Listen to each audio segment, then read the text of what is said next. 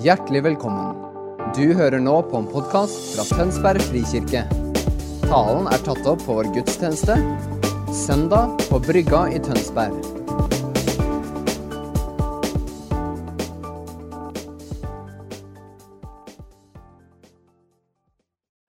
Et tema gjennom hele 2020.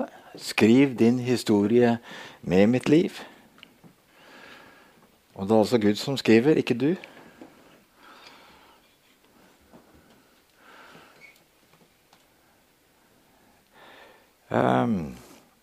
Jeg går litt ut av det. Vi har satt opp en del sånne brever som uh, vi skal ta i Timotus og Titus og sånn. Jeg tror det er Timotus 4 eller noe sånt som egentlig er i dag. Men uh, jeg hopper ut av det. Uh, vil holde meg innenfor den overskriften likevel. for jeg føler at jeg trykker på et, et budskap som jeg faktisk talte i Råde frikirke her rett før jul, men som jeg føler egentlig er for nasjonen. Ikke bare dere, men hele nasjonen. Eh, og da føler jeg det er rasende viktig. og da syns jeg at jeg iallfall bare preker her i Tønsberg frikirke. Ok? Kjære Jesus. Det går veldig dårlig hvis ikke du er til stede. Herre Jesus, at uh, vi skal skjønne det som har med Guds rike å gjøre så må du puste på oss med Din Hellige Ånd. Så må du åpne våre øyne og åpne våre ører, og så må du gjøre våre hjerter myke, slik at det blir en god jord, slik at det levende ord som du taler, kan lande i en god jord i våre hjerter, og at det skaper det det nevner. Og det miraklet ber vi om i dag. Amen.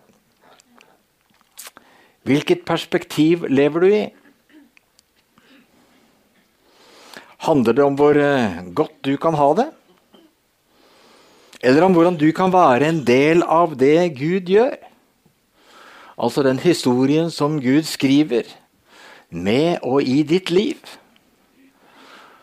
Handler din religiøse tro om at det skal gå bra for deg? Det er derfor du er med i menigheten. At Gud skal hjelpe deg til et godt liv og at du en dag ikke skal gå fortapt, men komme til himmelen? Eller handler din tro om at du må frelses fra et liv med fokus på deg og ditt? Et evig liv med Gud og det Han gjør og vil bruke deg til? Hvor vi frelses til å være i det Gud gjør og følger etter Jesus. Det vil i så fall få konsekvenser for om du prioriterer dine meninger, og så hvordan du lever. For hvordan din livshistorie blir preget av Guds historie.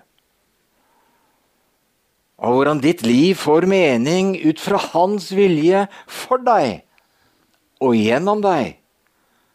Selv om det kan bety forsakelse og utfordringer. At han rører ved dine komfortsoner. Hvilket perspektiv har du? Guds historie handler ikke bare om de store linjene, men også hva faktisk Gud gjør nå. I ditt liv rundt oss i Tønsberg, men også i denne nasjonen. Og det er det som er bakgrunnen for det vi skal snakke om. På bønnekonferansene på Grimerud de siste årene har det kommet frem eh, noen profetiske ord, og det gjør det faktisk stadig.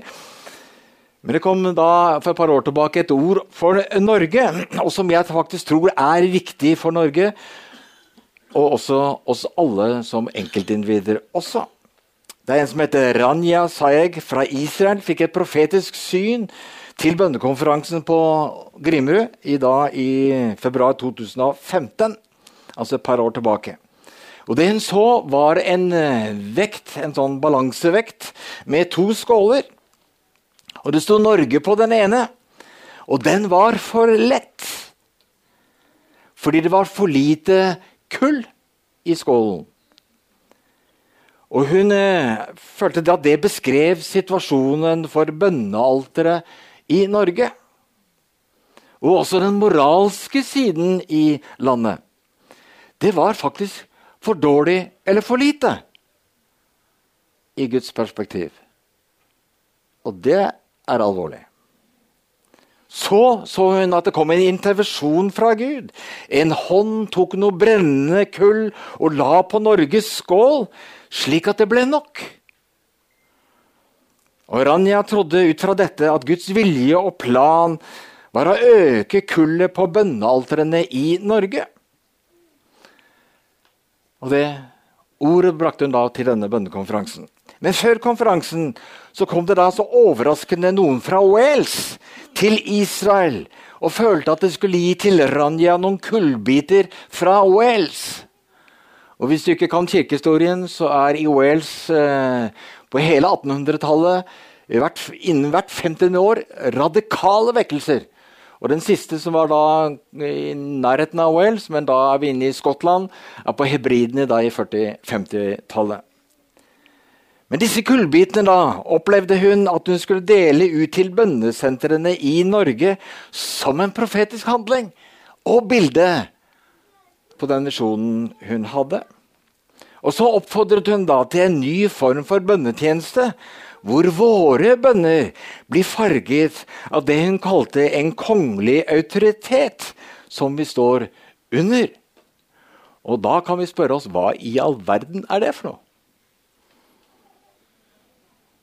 Dette ga forståelse da på Grimrud at det skulle komme noe fra Wales som skulle ha betydning for det Gud ønsket å gjøre i Norge, og da angående bønn. Nå var det da at Lederne da på Grimrud eh, lurte på hva det i all verden det kunne være. For de kjente ikke noen personer i Wales som kunne ha en slik innflytelse inn på, en måte på bønnelivet da i Norge. Så var det et gærent ord, da, kanskje. Nei, men så skjer det rare, da. At en som heter Håvard Sand, som jobber der i Proklameria, kommer igjen over boka til Roy Godwin, 'Strømmer av nåde'. Og så blir han fascinert av boken. Den taler til ham. Og han oversetter den på Proklameria. Og så gir man ut boken. Og så skjer det at den får en helt usedvanlig respons. Og det er hans ord på det. De har jo litt erfaring da med å gi ut kristne bøker. Gode bøker, for øvrig. Og Så inviteres da Roy Godwin til å tale rundt omkring. Han har talt også her. Eh, både på Oase og turnerer i to omganger i hele nasjonen. Og Det som man erfarer, er at det er en helt usedvanlig respons. Fulle hus. Og folk er grepet av budskapet fra Wales.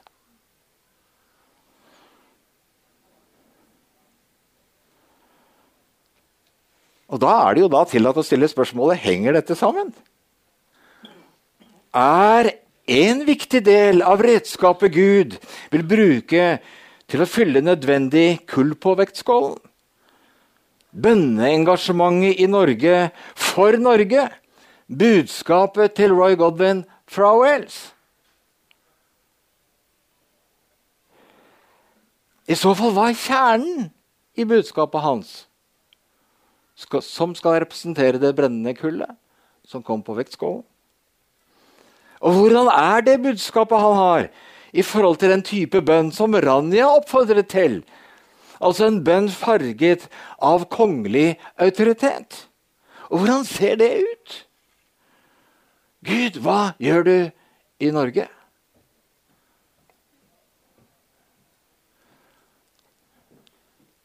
Og jeg oppfordrer Norge til å høre. Hør hva Gud sier. Og så er det slik at Gud taler gjennom profetene om hva han ønsker å gjøre. Og da er det lurt å legge merke til hva han sier. Og dette er et forsøk på å si noe om det. Har du lest bøkene til Roy Godwin? Og du skal ikke rekke opp hånden, for det skal dere alle da burde gjort. Har du ikke lest bøkene til Roy Godwin? Det er to bøker nå. Kjøp dem og les dem. Det er ikke noe å diskutere. Bare hør hva jeg, gjør hva jeg sier. Kjøp dem og les dem. Hva sier bøkene om hva Gud har tenkt å gjøre? Altså den historien som Gud skriver og vil ha oss med i.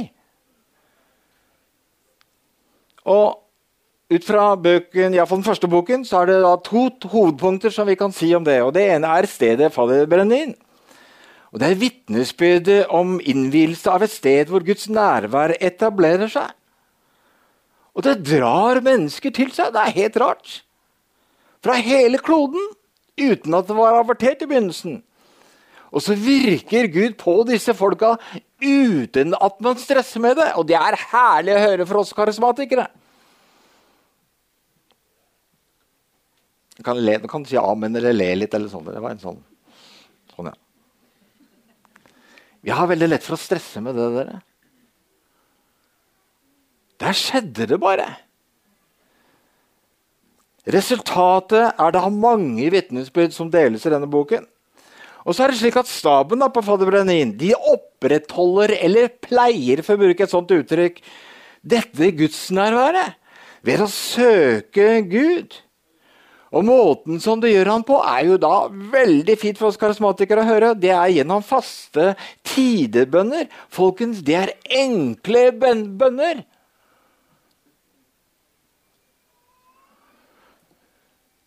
Jeg så at vi, For oss vi blir jo frustrerte som skal be sånne saftige bønner inspirert av ånden. Og sånn. Og så er det tidebønner fire ganger om dagen, faste tidspunkt. Og så opprettholdes Guds nærvær.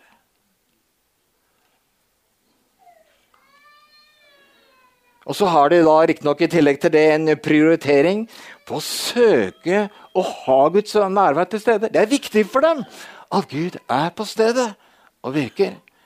Derfor vil dere ikke gjøre noe som bringer et anstøt til det, men gi det rom.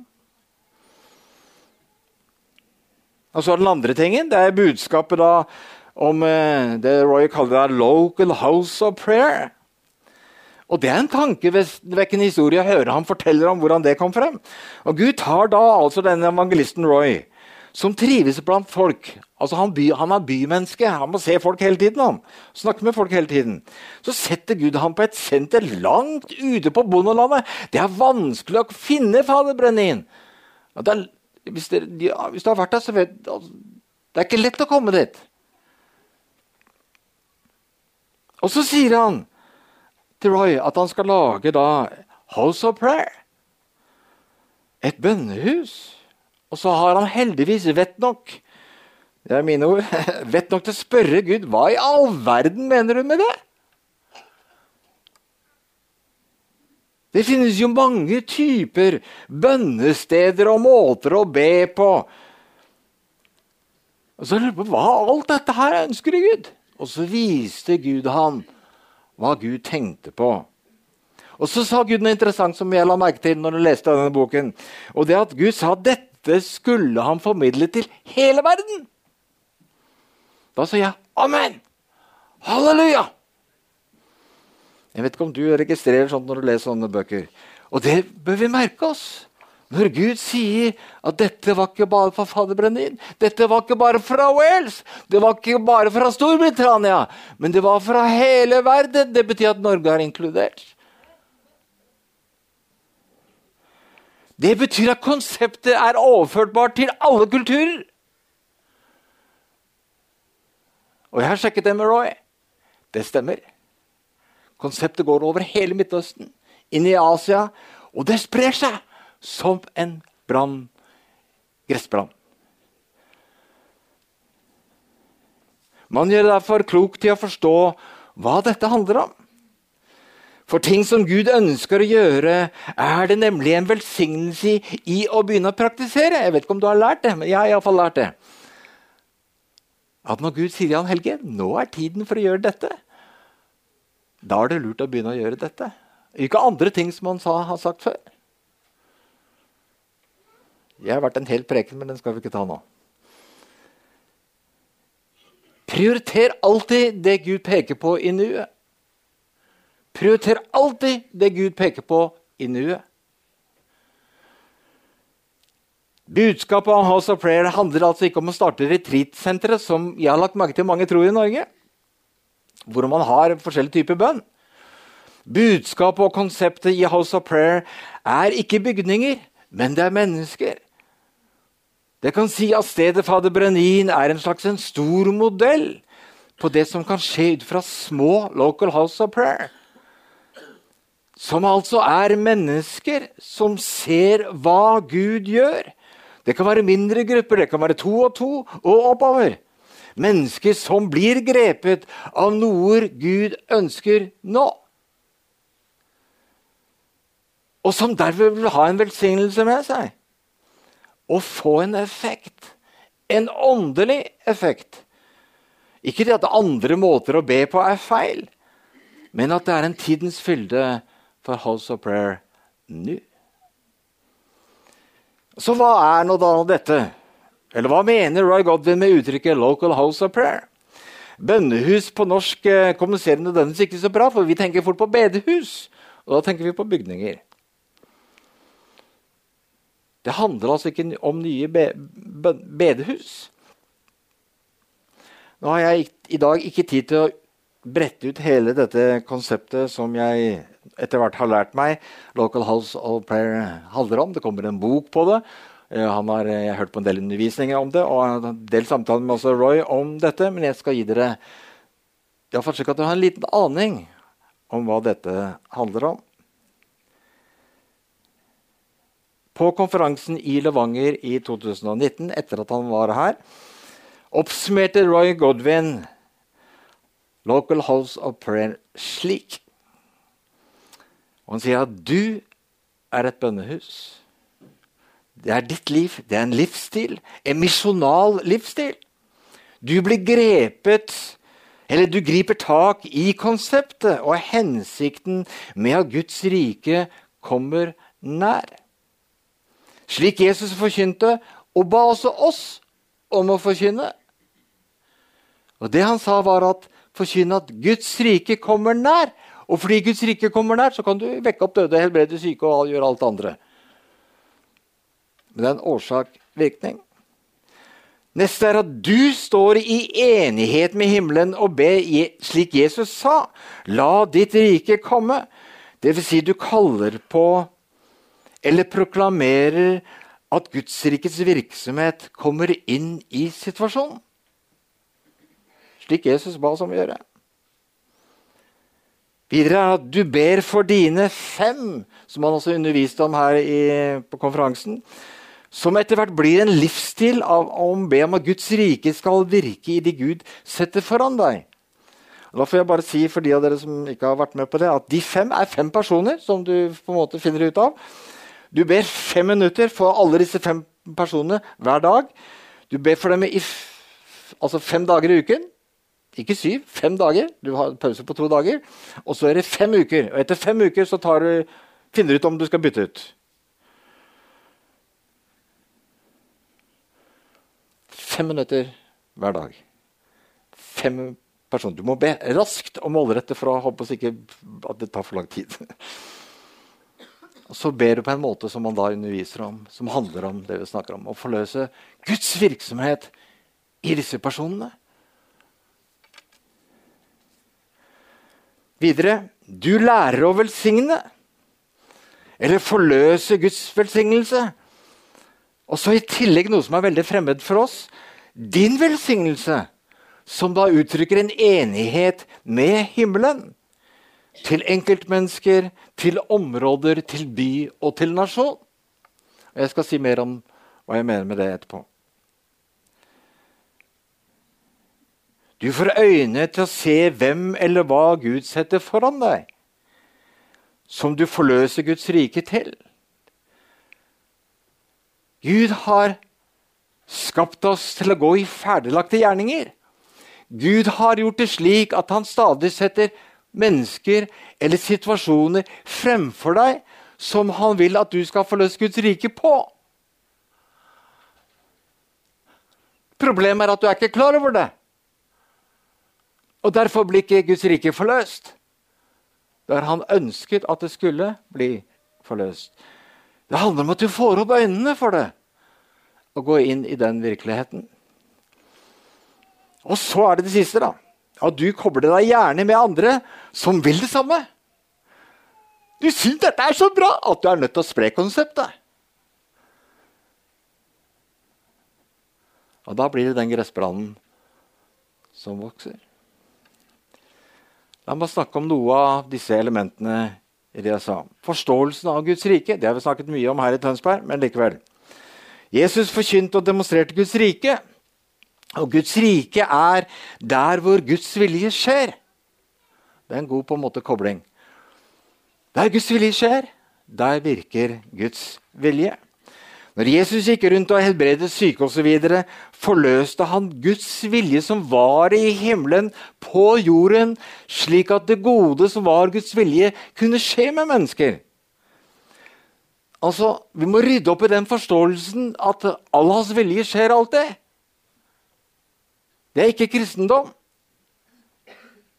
Guds vilje skjer ikke alltid. Mange kristne tror det. At alle ulykker og alt forferdelige som skjer, ja, det er en mening, Guds vilje med det. Sludder! Muslimene tror sånt. Kristendom er noe annet. Kristendom ut fra fallet vår er at Guds gode vilje er jo i himmelen. Og han ønsker at den skal komme ned og invadere og overta det som ikke er Guds gode vilje her på jorden. Det er viktig at du skjønner forskjellen, så vi kommer ut av den fatalismen som vi ofte lever i. Ja, jeg kommer meg tilbake her. Han forløste altså Guds vilje i himmelen på jorden. Og Guds vilje og kraft til en forandring ble forløst der han handlet på Faderens vilje og Faderens ord. Og jeg tror at kraften i dette, dimensjoner dette, er langt større enn det vi kanskje er klar over. Og Eksempler på dette ser vi jo demonstrert i vekkelseshistorien i Wales, som jeg var inne på, og også hebridene. Når du leser om det, så står det om at Guds nærvær kom slik at mennesker fikk synserkjennelse og ble omvendt fra en hvilken synd de var preget av, der og da på gater og streder og barer og hvor de enn var. Og Det sies i angående hebridene at over 70% av samtlige omvendelser i den vekkelsen skjedde utenfor kristne forsamlinger. Og så hører du hva jeg sier? Vekkelsen var ikke i kirkene og bedehusene. Var ute overalt. For Guds rike kom og forandret dem.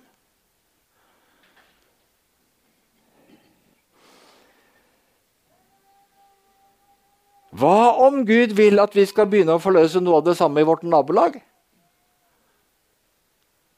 Hva om Gud begynner nå å tenke på at eh, de, din familie som trenger å, å venne seg til Gud og bli frelst, eller hva du kaller det, handler om at du forløser Guds vilje for dem?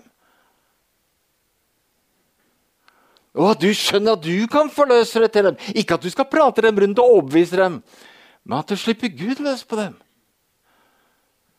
Et litt annet perspektiv. Tenk om tiden er kommet til at Gud sier at nå begynner vi å gjøre det. Fordi jeg har valgt å gjøre det slik nå. Bønn i enighet med Gud. Det er det som Ronja kalte bønn med autoritet, som er litt rart for kanskje oss, men som jeg vil si samarbeid med himmelen.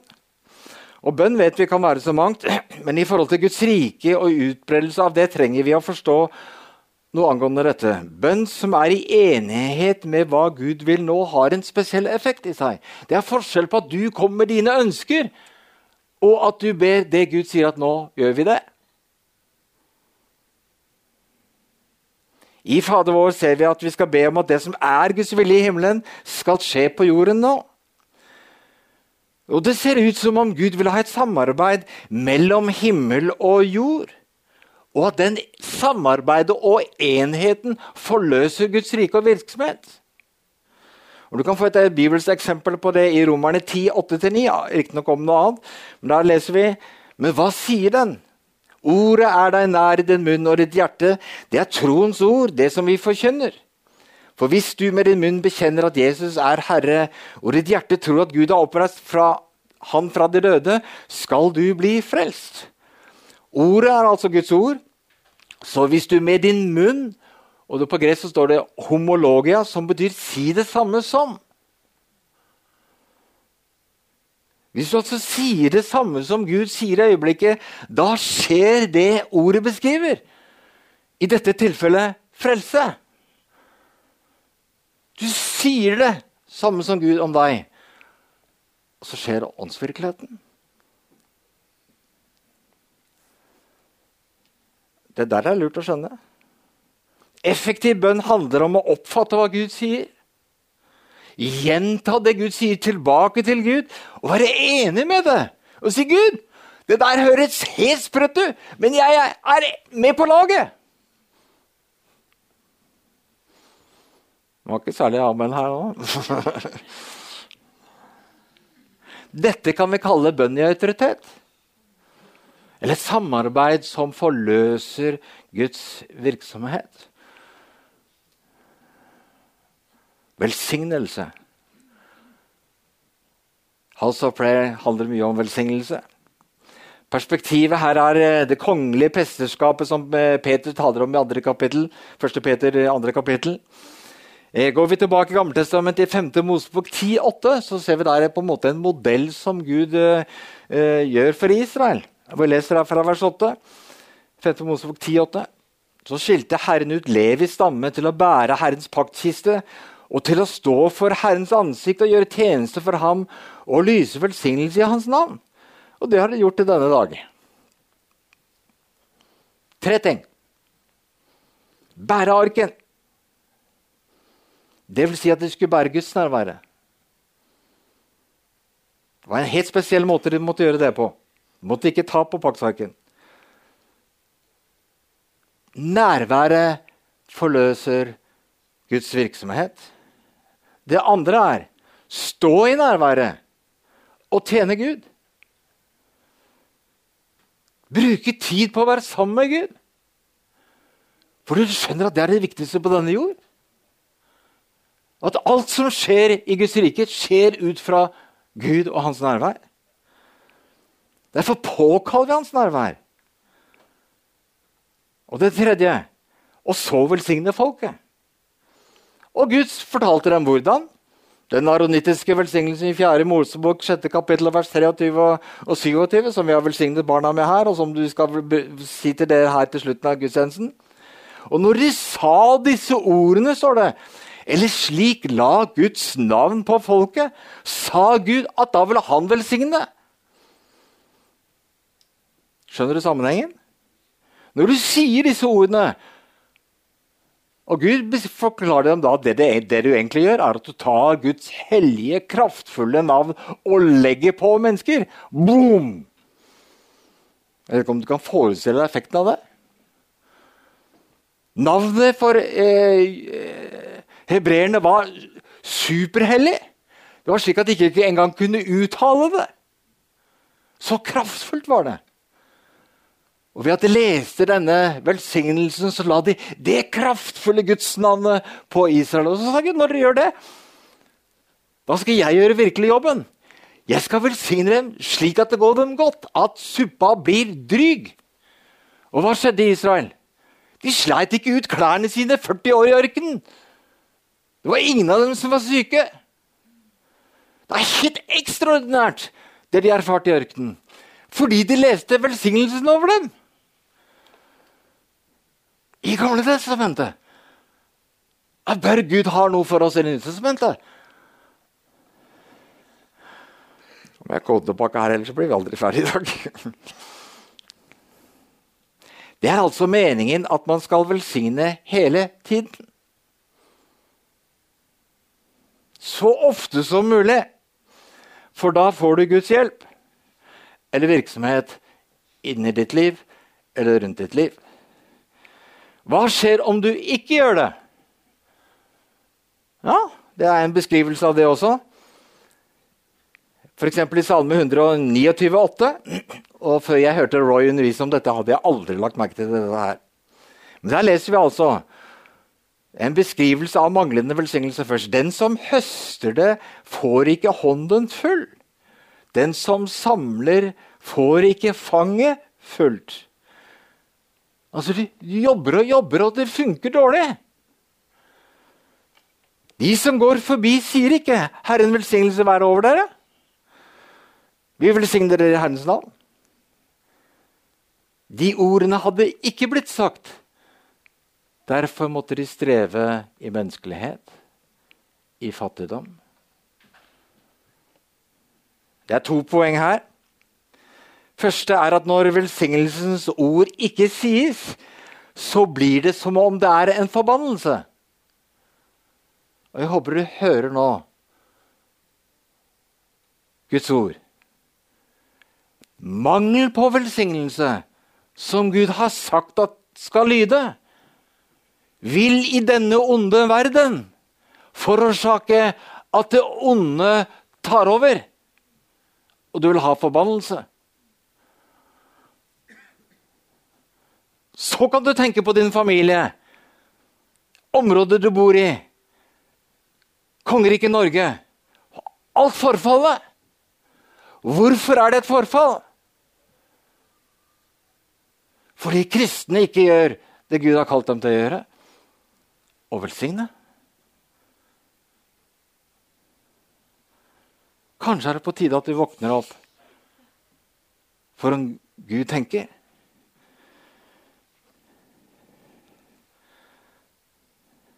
Det var den første. Andre er så når man velsigner. Man sier Guds velsignelse. Altså Gud velsigne deg. Men så er det også en viktig annen ting som står der i salmene. er At jeg velsigner deg også. Det er altså forskjell på at jeg sier må Herren velsigne deg og deg og deg, og at jeg sier jeg velsigner deg også i Herrens navn. Da uttrykker jeg en enighet med himmelen om velsignelsen. Enigheten med himmelen skaper en forløsning av Guds rike.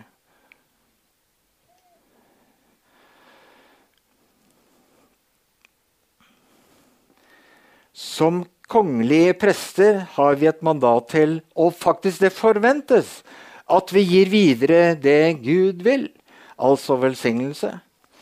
Det betyr at det blir forfall i vårt område, vår land, hvis kristne ikke skjønner dette og velsigner. Kan du forestille deg hva som kan skje hvis kristne samler seg og velsigner og ber enighet med Gud, at Guds rikets kraft skal bryte fram? Og jeg tror at dette er det brennende kullet som skulle forandre Norge, og som kommer fra Wales. Hva velsigner vi?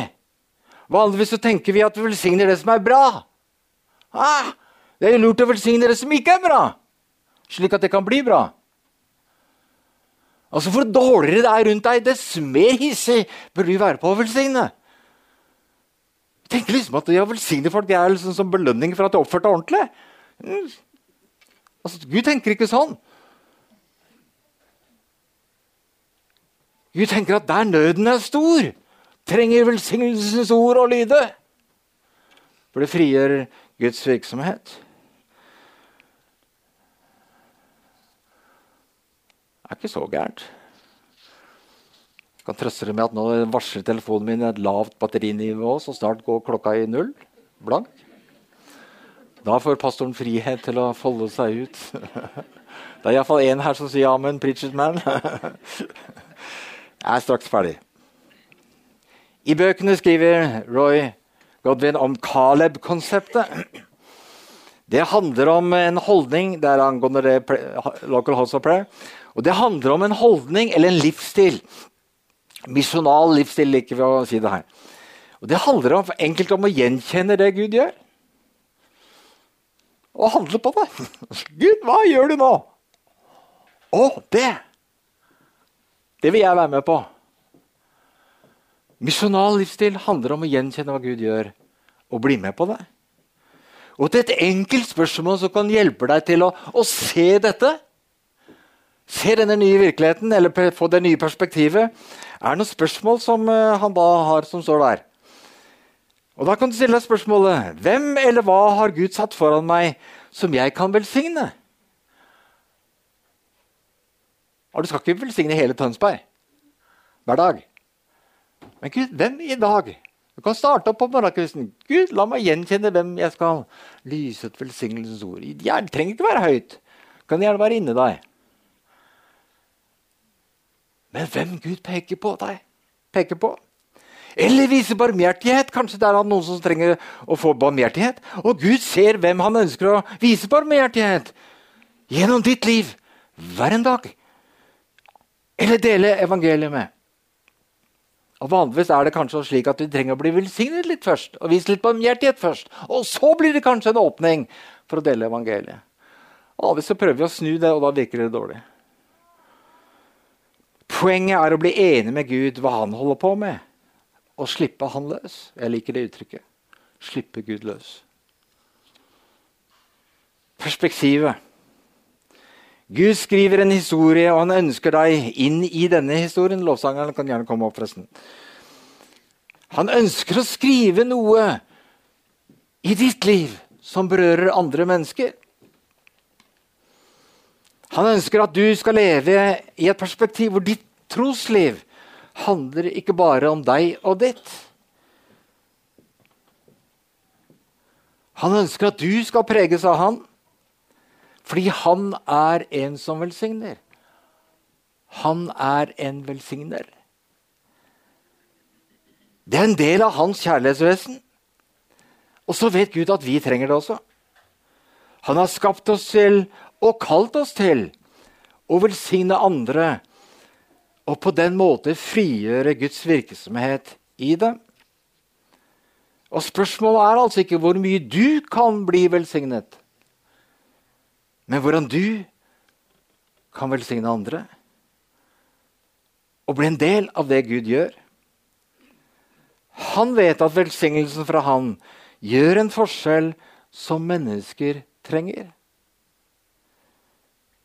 Han vil ha oss med på å være et folk som velsigner, og som derved forløser Guds rike og Guds vilje, og derved Guds forandring. Og så tror jeg at spesielt nå, hvor han vil gjøre noe i Norge, vil han forløse et folk som er velsignere. Som forløser Guds rike og vilje, og derved Guds forandring. Og så vil jeg komme tilbake til 1. Mosebok 12, 1-2. Abraham kalles alle troenes far, altså alle troenes eksempel. Og Da er det greit at vi også ser det fokuset som var på Abraham. Da leser jeg om igjen. Herren sa til Abraham.: Dra bort fra landet ditt og fra slekten din og fra farshuset ditt til det landet som jeg skal vise deg. Og det, der brøt alle komfortsonene for Abraham. Og Så sier Gud at 'jeg vil gjøre deg til et stort folk'. Jeg, Gud, skal gjøre deg, Abraham, til et stort folk. Skulle bli svett av mindre. Så sier han, 'Jeg vil besigne deg og gjøre ditt navn stort'. Hele verden i mange tusen år skal snakke om Abraham, som vi gjør også her i dag. Fordi Gud valgte det slik. Og så kommer det det morsomme. Du skal bli til en velsignelse. Og det Gud sier til Abraham, er at Abraham, pass opp. Nå skal jeg velsigne deg på en helt spesiell måte. Ikke bare at du blir velsignet og får det bra, men at du gjøres til en velsignelse. Og det betyr at alt det du peker og rører på, blir velsignet. Husker den greske mytologien hvor han Krøsus var ikke det han het, som fikk den forbannelsen med alt han rørte med, ble gull? Tenk deg nå at Gud gjør noe med deg at uh, alle de du peker på, blir velsignet? Gud gjør deg til noe, slik at ut fra ditt liv kan velsignelse møte på andre mennesker. Det er tilbudet fra Gud til deg i dag. Vil du skifte fokus fra deg og ditt til det Gud er opptatt av, å velsigne andre mennesker? Tenk på det så spiller dere et eller annet. Takk for at du hørte på vår podkast. Har du spørsmål eller ønsker du å vite mer? Søk oss på vår nettside tonsbergfrikirke.no. Du er også velkommen til kirke på Brygga i Tønsberg.